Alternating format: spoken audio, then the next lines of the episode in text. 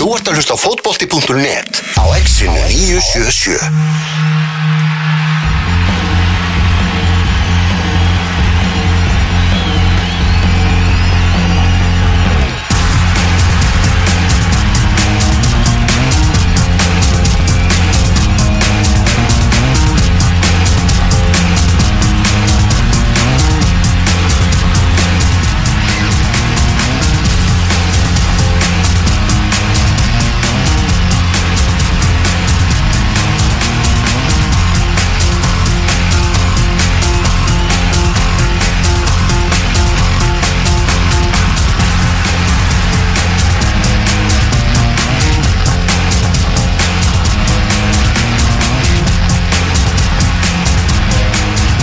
Útvarp Reykjavík, klukkan er 2 mínútur yfir 12 og það er útastátturinn fótbolti.net sem er komin í loftið hér á X977 Elvar Geir og Tómas Þór með ykkur til klukkan 2 í dag. Við ætlum eh, seinna í þættinum að heyri honum Mitch Freeley sem að eh, er stattur í Katar í Doha. Þar starfar hann sem íþróttafrættamæður fyrir Bein Sports. Við ætlum að ræða eins við hann um Al-Arabi okkar menn, Heimi Hallgríms og Aron Einar Gunnarsson. Hefur verið rýru uppskerað undanförnu hjá þeim. Einn sigur úr síðustu nýju að eh, Heimi náttúrulega skrifaði nýverið undir nýjan samning út næsta tímabil við Al-Arabi. Og ætlum aðeins að svona tjekka hvernig stemmingin er í, í Katar og og hvort það sé mikil ánægja hjá oljufustunum með, með gengið að, að undanförnum? Já, ég ætla að ská ekki. Nei, ég ætla, ég ætla að taka undir undir með það. Já, en eitthvað verið svona hefur eh, Hallgrímsson verið að vera að gera rétt og svona allan að búin að fá ég menn svona svolítið á, á sitt band þegar menn hafa nú verið reknir fyrir minna hjá uh, Al-Arabi sem hefur verið Já. einhverju ævintýralegustu þjálfara veldu bara sko yfir allar deildir sem að bara sögur fara af en uh, hann reyndi að gera nýja samningi svona rétt árn er fór og þetta þetta hörmulega strikja á sér. Já, ætlum að ræða þetta nánar og eftir en stóra atriði í þessum þætti er náttúrulega ótíma bara spáin. Jú, jú. Við ætlum að það fyrsta ótíma bara spá vetrarins. Við ætlum að kynna Já, bara liðin 12, byrja í 12. sæti og vinna okkur síðan upp í, í þessari fyrstu spá núna þegar vetrarmótorum er að- að ljúka svona þeim fyrstu. Já Úslitaleikur Reykjavíkumótsins á mánudaginn og úslitaleikur fótbolta.net-mótsins var í þessari viku. Já, nákvæmlega, náttúrulega gríðarleg hátíðar stund á, á 50. kvöldi þegar það er svona eitt af, eitt af stóru kvöldunum í íslenskum fótbolta átt þessi stað sem eru þetta undanúslit Reykjavík byggarsins, mm næst elsta og, virtasta knæspytumóts á Íslandi. Uh, alltaf, alltaf mikil hátíðar stund þegar þessi tvíhöfði, tvíhöfði fer fram, en það var svona það voru meiri deilur í kringum þennan leik heldur en eh, oft áður, oftast hefur verið engar deilur. Mm -hmm. Uh, en nú voru miklar deilur og svona já, leikurinn fekk mikla fjölmila umföllun þó er þetta kannski ekki aðalega fyrir uh, fótboltaliðin eða, eða fótboltaleikin sem átt að eða fótboltaleikin að sem átt að fara að spila þarna í, í yðnaðasalt höllinni síðastlið 50. kvöld sko. þetta fór svona já, þetta var rosalega ef að aðstandendur mótsins knæspunur á Reykjavíkur vildi svona endanlega sanna uh, hvurslags júragerður það apparat er þá kom það í ljós núna. Já, það er bara okkur er drullu sama þótti slíti krossbönd og allir meiðist og allt það er búið að borga. Þetta er bara gert svona ár frá ári bara Martin Móstal bara einn ríkisvöllur þið bara spilið þar. Já Svo kom að það yfirlýsing frá, frá rekstraræðila Vallarins Já. sem var bara bull. Séu bara bull. Sagði að hann var í FIFA-vottar og FIFA-votturinn er runnin út. Já, og rann út fyrir ári síðan. Það er þannig að þú bygg, byggir nýjan gerurgræsvöll og fær nýtt gerurgræs þá færðu uh, færðu FIFA-vottun til eins árs til að byrja með. Uh, til dæmis eins og vikingsvöllurinn sem, að, sem er, er flungunýr hann verður heimsóttur núna í, í, í sumar og það sem hans ástand verður aðtöðað og ef hann stendst svona þetta ástandskoðun eftir, eftir eitt ár þá fær hann þryggjára vottun til viðbótar þannig að raun og veru er votturinn til fjör ára. En uh, votturinn hjá uh, Eilsvöllurinn hún rann út fyrir uh, ári síðan, rúmu.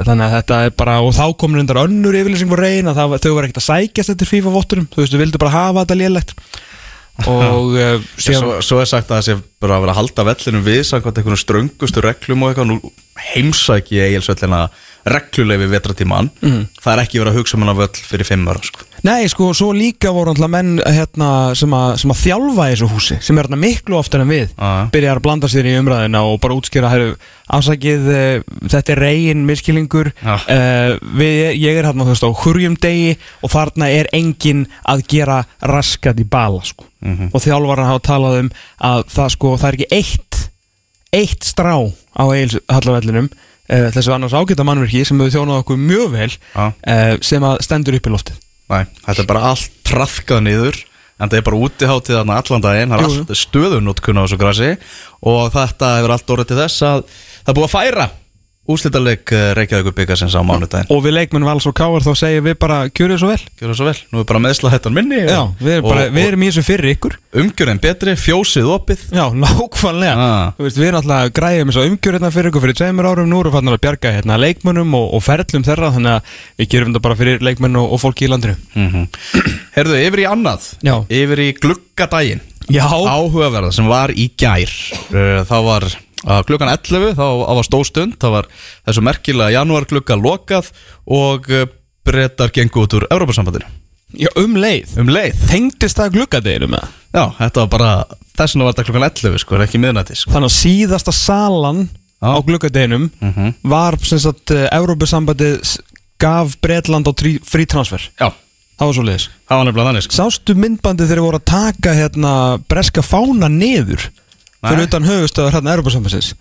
Það var skemmtilegt eitthvað svona Var það bara slægin 11 við það? Já, þeir fóru undan aðeins fyrr Nú? Já, þeir voru eitthvað svona aðeins svona fyrir voru spendi fyrir að fá bretana að nú Það voru einhverju tveir menni í jakkafötu sem að röltu að, að fánaborginni og, og, og hýfðu niður breska fánan er, er bretar eruð ekki lengur eh, hluti af, af Evrópu sko. Já, en þessi gluggadagur var rosalega ómerkilegur Það var gaman að fylgjast með sko Já, það var ekkit ómerkilegur Það byrjaði ekkit vel en síðan svona það var nú ímislegt að gerast með í neðri deildunum og svona og eitthvað Já. Það var fyndið að fylgjast með sko BBC textalýsingunni þess að þeir voru komin yfir sko brandarakeppni og Það var eitthvað. gott, sko. Bara svona til að tegja eitthvað lopan fyrst að það var ekkit eh, merkilegt að gerast sko. Já, ok, við erum að tala um gluggadægin per se Og janúarglukkin var bara, það var margt merkilegt að gerast um janúar. glugg, já, Ég var að í tala um heild. gluggadaginn sko. Gluggadagurinn hefur svo sem Já, sem er reyndar fínt sko. Svona í raun og við maður vill að fótbolltilegin séu kannski ekki alveg á á loka metrunum að gera eitthvað þó það gerir vissulega gluggadaginn spennandi Já. En Manchester United var nú heldur betur að gera hluti á, á gluggadeginum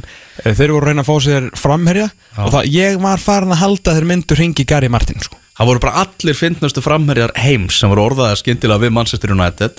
Íslam Slimani kom hann að vera í nokkra daga sko, en á Já, gluggandi Rondon og uh, Danny Ings. Danny Ings, hann datt hann inn já, þeir áttu að hérna, hafa reynd við hann og uh, þeir Timo, Timo Pukki Já. las ég í morgun Svo virtist þeir alltaf vera að fara að vaða í Joshua King Það er eitthvað að tala um það að Bornmoth hafi segja bara sett svaka verð með á hann og eitthvað Já, það vildu alls ekki lána hann þeir vildu sem sagt, þeir voru tilbúinin til að selja hann vildu ekki standa í vegi fyrir honum en þá þurftu þeir að fá framherja á móti og ég held að Votvort hafi bara ekkit þú veist, skilu, þetta er enda kannski svona smá Ed Woodward í þessu þó hann hafa endanum landað þarna Bruno Fernandes með, með fyndnustu bónusum söguna sko Ah. að hérna en ágætlega gert hjá honum að, að ná í, í Bruno að þá var þetta svona svolítið svona Woodward, einhvern veginn dett inn bara gluggadegi til Bormóð, lið sem er að falla og vissulega er Joshua King að vera sent sagt að hann sé búin að raða inn mörkunum á tímbilinu en þeir þurfa samt á öllum sínum mannskjöp að halda, búin að vera í meðslavandræðum og ef einhver er að fara að skora einhver, einhver mörk fyrir Bormóð þá getur það verið Joshua King. Og ringi þá svona 5 klukkutíma fyrir gluggalokk og bara, herru, hérna, getur við fengið Joshua King hjá okkur, bara, já, við erum svona, erum með policy að vera ekkert að standa fyrir mönnum, þú veist, ef við fáum einhvern verð. En við erum ekki, þú veist, það er þeir eru ekkert búin að ringja og láta okkur vita að þið getum mögulega að tekja hann, þannig að við erum ekki með þetta lined up, sko. Þannig að það var svona, það var smá, hérna það var smá vútvart í því. Já. en þeir fengu aftur á móti jafnvel fyndnasta möguleikan af öllum. Já, það er þessi ágæta veira í Kína og Otion Ikalo mætti frá er hann veiran í Kína? hann mætti frá Wuhan Warriors í, í Kína og uh, feskur, og, og kátur Nei Nei.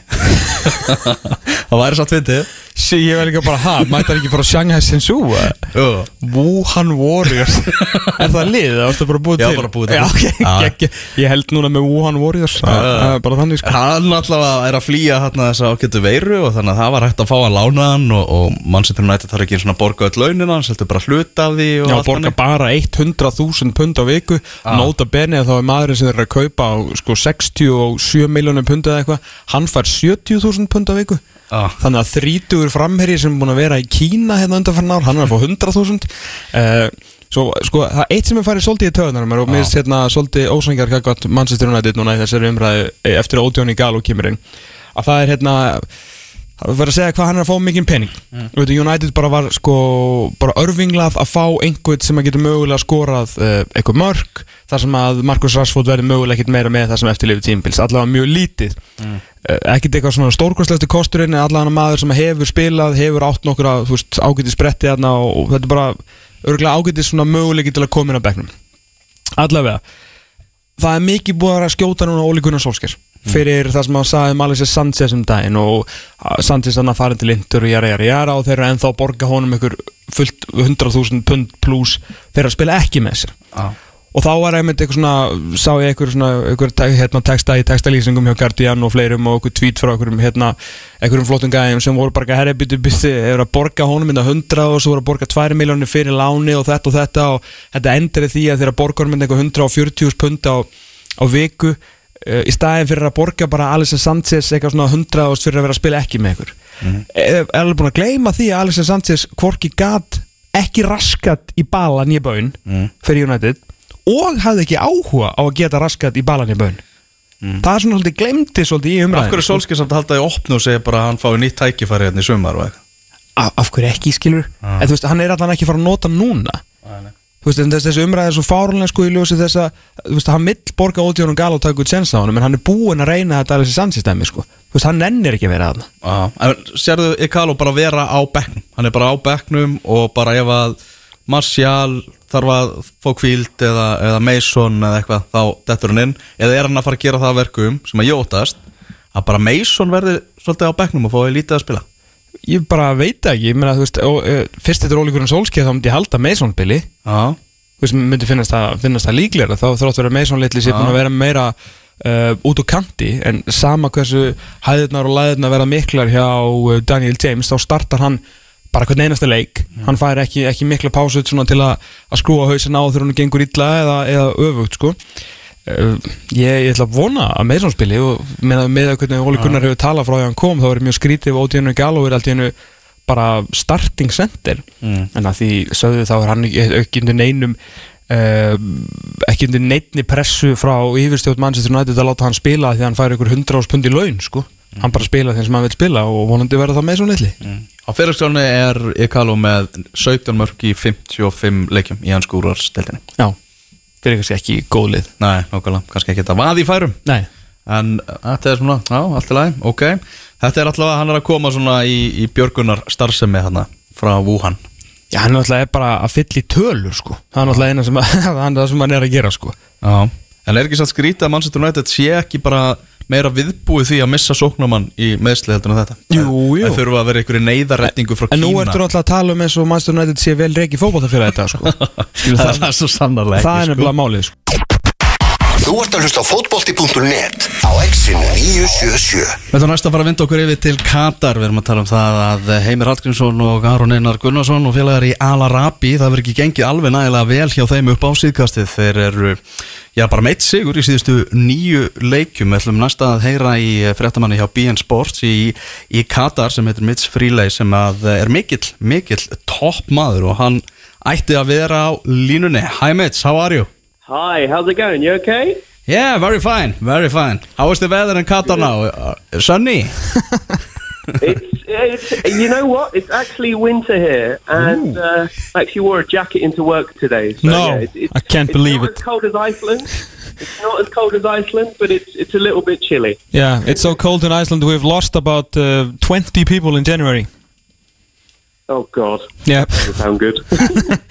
uh, Mates, let's talk a little bit about uh, our guys in, in, in the Qatar Star League in Al Arabi. Uh, It hasn't been going too well for, for our former national coach and our uh, Our captain. Yeah, I mean, Al Arabi have had a, a kind of mixed bag of a season, really. Um, I think, you know, Hal Grimson's been brought on for a long term project, and, and it's going to take uh, quite a bit of time to kind of get Al Arabi back to where they are. Um, they've been pretty inconsistent this season against the teams that they should be doing well against or better. I think uh, a couple of weeks ago they played Al Sad, who are managed by Xavi, and um, they lost 6 1. And I, w- I was at the, at the game, and just defensively, they were all over the place. Uh, not very well. But one of the problems has been that uh, Gunnarsson has, has actually been has missed a big chunk of the season Mhm. with an ankle injury. Um, and obviously, they, uh, you know, Halgrimsson turned to someone he knew in uh, Bjarnason uh, to come into the side temporarily, and that kind of worked. But but you know, it's Gunnarsson is so integral to the team uh, in terms of you know running that midfield and, and, and basically being Halgrimsson's man on the pitch. Yeah. Um, that that he's kind of getting back to speed and. And, and, and, and yeah, it hasn't been so great. I mean, the last game was yesterday, and they, they drew one all uh, to Umsalal, who are like relegation. They're re- you know they they look to be relegated, and they, they conceded a goal in the last final four minutes. So um, so far, it's been so so for Halgrimsson at Al Arabi. I must admit. Okay, but but he uh, he signed a new contract not not that long ago. I mean that was the Yeah. maybe a bit before the, they went on this bad streak. Yes. So so yeah, like like um, like I mentioned, the Al Arabi project is has been pitched to Halgrimsson as a long term project, and I think that from my conversations with him, certainly he he is committed to that in the long term. Okay. Um, he was basically brought in to Al Arabi by uh, a gentleman by the name of Ivan Bravo, who heads up the Aspire Zone, which uh, I know you guys have been down there before. It's a huge training facility, Yeah. uh, which loads of football teams use. International teams, Iceland have obviously used it in the past, um, and, and basically. Halgrimsson's remit is to, to develop young Qatari players at a league level to make Al Arabi a very competitive team again. Um, and and yeah, so so that's why he's committed to the long term kind of project because he feels that you know, I mean, I remember in his opening press conference he said that like you know Qatar is the centre of the football world right now, and I think it kind of is with the World Cup coming up and all of you know the various tournaments it's got going on. So so for him as a development of a coach, he sees. Uh, you know, being in Qatar at this time in the build-up to the World Cup and everything else is, is quite good for him. So, yeah, I think I think he's very much still committed to to, to being with Al Arabi and, and, and taking them on beyond this season, even if for now results aren't perhaps particularly perfect. So he, he ha- doesn't have to be uh, afraid of being being fired. I mean, the the coaching. I mean, not not many coaches have have you know fared well with Al Arabi. Have been you know fired for less than what what Heyman is doing now. If we if we just look at the results, I mean, is he is he safe in his Yeah. job? Even what happens with results? I think, I think, I think that like so. Yeah, you're right. In terms of Al Arabi, uh, down the years, uh, they've been trigger happy in terms of getting rid of managers, uh, and also players. A very high turnover of, of players. But what Hal Grimson has been has obviously had assurances from from senior people much higher than even management at Al Arabi is that he's going to be able to build a team and have a bit of time there. Um, in all my years in Qatar, so I've been in Qatar now nearly for six years, Al Arabi have changed players every window. They have changed players. They're, so obviously in Qatar, um, you have five international players, designated players, and and Al Arabi have always changed one or two of those every window. Which you know, when you when you you're organising and running a football club, can actually be quite problematic. Mhm. Uh, and what Howgrimson has kind of brought in at- for Al Arabi anyway is some stability. They're currently, I think, they're fifth in the league right now. Um, and before Howgrimson came in, in the scheme of things, they would be the lower half of the table, you know, kind of from seventh, eighth, ninth below, or even fighting for relegation a couple of seasons ago. So, in a sense, Howgrimson has improved the level of the team, but he hasn't quite matched that with consistency. And I feel that, like, in another season, uh, you know, gets that consistency. I mean, he chose his international and professional players very, very well. Uh, obviously, he got Gunnarsson in, who is, you know, his man on the pitch, his kind of lieutenant almost. But then he's also kind of been clever in bringing in uh, players who know the league. Um, and and, and you know kind of have that experience of playing football over here, uh, which has helped. Obviously, yeah. So he's done well, but I think yeah, like I said, it's it, the the results don't are not as big an issue as, as perhaps they would look for other clubs or, or or as it looks on paper, if you know what I mean. All right. Uh, how is how is the how is how do other people like at, at Aspire and, and other coaches and, and like the guys who, who run football in Qatar, uh, Qatar talk about Heimir Hallgrímsson? I mean, is he is he in for a, for a job with the Qatar national team or at the Aspire Academy, something big in, in, in the coming years? Do you feel that might be a chance? Do you think he's looking for that? I'm I'm not sure because um, I'm actually uh, today is actually the anniversary, the one year anniversary of Qatar winning the Asian Cup, Okay. uh, which was kind of a, a bit of a shocking result. Uh, well, here anyway, we took it. We were all pretty surprised when it happened. So um, they're very happy with the current coach, Felix Sanchez. I feel that Halgrimson, um, if he wanted to, and if there was opportunities uh, to move to perhaps a bigger club in Qatar, he would be well placed. I know that he's very, very well thought of and highly regarded here. Um, he's actually taken uh, coaching seminars. Um, there's a kind of a yearly event here at the Aspire Zone, and he was one of the special guests. Obviously, talking about his time with Iceland and, and how he, you know, transformed, you know, his work there in, in transforming Iceland as a nation from from a, a country that never qualified for a World Cup or a European Championships to to qualifying for those and, and you know improving the general level. And I feel that the senior people here have seen, obviously, saw what his body work with Iceland, which was so impressive, of course. Um, and they feel that they that he can bring his know-how and his kind of knowledge of of of kind of harnessing a very small talent pool of players into a kind of cohesive team and unit. And I feel that his experiences with Iceland have, have put him in a in a good place. But I think yeah, there is certainly an opportunity. I think if one of the top jobs comes up, like Al Saad, mm-hmm. which is obviously run by Xavi, who's been heavily linked with Barcelona, mm-hmm. or Al Rayyan, who are traditionally a team who've done very well, very well in the Asian Champions League. Mm-hmm. Um, he he could be one of the names that they would consider because it, they've they've been very Al Arabi, even though the results haven't been good, they're not losing apart from Al Saad, the six one recently. The it's not been heavy defeats. It's only been kind of lapses of concentration, like small mistakes that, that have led to these defeats. You know, so Yeah. I feel that he could be placed to get a, a good job in Qatar, maybe. Help me with one thing, Mitch, because when when Hamer went there, I, I did some research and I was trying to find coaches that went to uh, to Qatar and, and other other places around you, and, and then got back. And I, Yeah. I, I tried and I tried, and I, I found maybe one or two Croatians that got back in, into into the European football, and basically because they went uh, Yeah. back home. Uh, and of course, I mean, i- if you are a huge name, like of course Savi, I know he hasn't coached before, but if he would have coached like uh, Deportivo La Coruña and then went to went to Qatar, he would always get a job because because of the name. I mean, uh, am I wrong? Is it is it hard to get back if you're not that big of a name to get back into European football if you go in, into this league? I, I, I think like yeah, I think I think the perfect example of someone you can you can say who's who's gone back is is Latko Dalic, Yeah. who is a Croatian national team manager. I yeah, yeah, he's probably the biggest name who who kind of found his way back, and I and I, I, I feel that you know he he did well here, and he had stints in different countries out here, and he he went back eventually. I feel that you know like so much with football these days is is public public relations and and how how well you're thought of.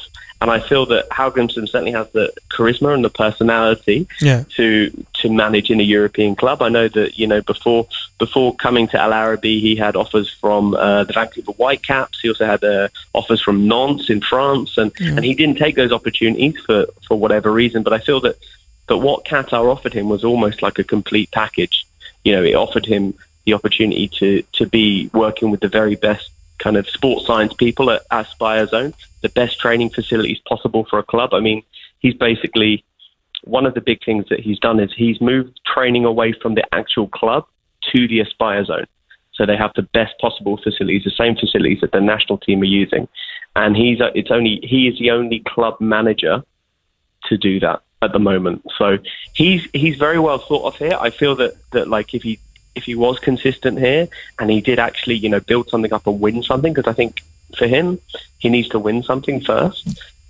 then there could be opportunities to come back. Uh, You know, I mean, he he looked at opportunities across the world, and I feel that he's a pretty open-minded guy in terms of going anywhere in the world. He, he came to Qatar, obviously, so I feel that the, the door is not completely shut on him going back to Europe and, and, and perhaps forging a successful career there as well. Yeah, um, maybe rounding up what we were talking about uh, because they, they at the end of the day they want to win something. I mean, it, it's a it's a team that, that was used to win, winning something. Even though he's he's well regarded and he's building something, might next season be maybe uh, what what we say like the most important season for him? If he doesn't, if he stays like in fourth, fifth, could he then be on his way out?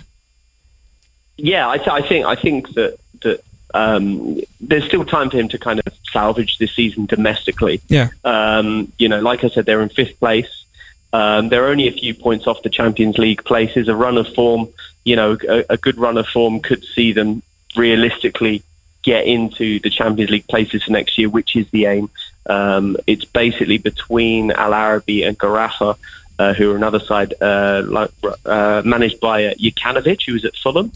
Yeah. Um, now, if if they those guys get a run of form together, they can certainly push in to the top three places, and and I feel that that's still salvageable. But obviously, results against like yesterday against Umsalala, bot the, the team bottom of the table, a last minute draw is not good enough. But he does have, you know, like I said before, he in he has good pros uh, in the team. Hamdi Harbawi is a Tunisian striker who has scored plenty of goals in this league yeah. and he's he's already got eight goals this season. He's it, it, if Halgrimson can tweak it and get it just right, I feel that they could make a late surge uh, into the Champions League places. But then also as well, there is the cup as well, the uh, the kind of Emir Cup, which is uh, okay.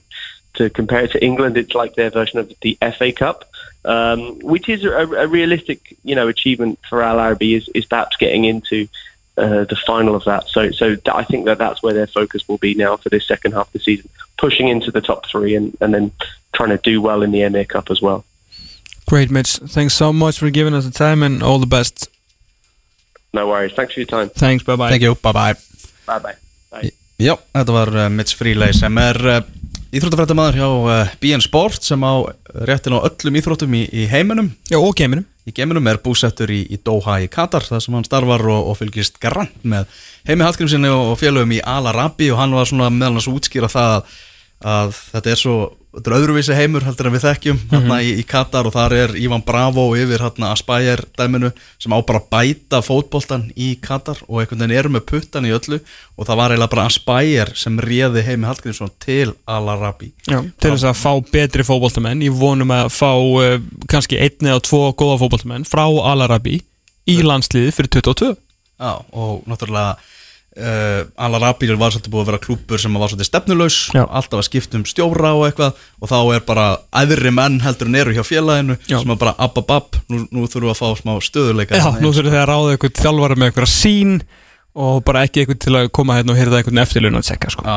nákvæmlega, mjög áhugað Já, já, við sátum með mitt fyrirlestur um þetta og þú er náttúrulega að fara hérna eitthvað 5-6 sinnum sko, en- fyrirlesturinn sem við sáum hérna var uh, á Business and Football hérna rástefni fyrir einhvern tveimur ára síðan var verulega áhugavert. Já, ég, sko, ég, hérna, ég hef tvís að farið til Katar og mjög gaman í fyrra skiptið svo í setna skiptið þá var ég svolítið með honum Mitch hérna þá vorum við meðlega enga gæt sko, var alltaf að fara með okkur hingað og þangað og þá fekk maður svona aðeins aðra sína á Dóha, það var skemmtilegt sko. Já, ég þarf að, að taka með eitthvað með þarna ég verður til að kíkja það einu sinni sko Já, þetta hilsa upp á Mitch sko. Herru, eftir að komast 1-0 yfir með markið Antonio Rudiger á útivelli er Chelsea undir tvö mörg á já, skömmum tíma, má ekki, má ekki segja það og hvað 54. og 61. mínútu frá eh, Harvey Barnes og Ben Chilwell Lester komið yfir gegn Chelsea þetta eru afskaplega góða fyrir fyrir Manchester United sem á síðdegisleikin á Siminsport í dag frá klukkan 5 en Leopold Soundon núna klukkan 3 Algjörlega Það held ég, við fórum að slá botnin í þetta þennan laugardaginn, við vorum með fyrstu ótíma bæri spá og vetrarins heldur betur að sem að valsmenn voru á toppnum en grótumenn á botninum næsta spá er 29. februar og svo er önnur í lók mars og svo er bara einn, ég er bara rétt fyrir mót sem að reyndar hefst bara eitthvað 12. apríl eða eitthvað í ár Það er að byrja hansi snemma. Hefur vorum að skella á Mitch Frilli Blaðmann í mm, Arabíu sem að var aðeins að fara yfir okkur með yfir okkur uh, Heimi Hallgrímsson. Og þeir eru að jafna hér Antonio Rúdegger með annað markið sitt í leiknum með stórkostlegum skalla langt út fyrir teg 20 minnur eftir og staðan 2-2 en að þessu öllu sögðu minnum við á það að ég heiti Elvar, ég heiti Tómas Þórðarsson og þú-. Þú heitir Elvar Geir Magnússon og við tveir verðum hér eftir 6 dag og 22 tíma og þangað til. Verðið sæl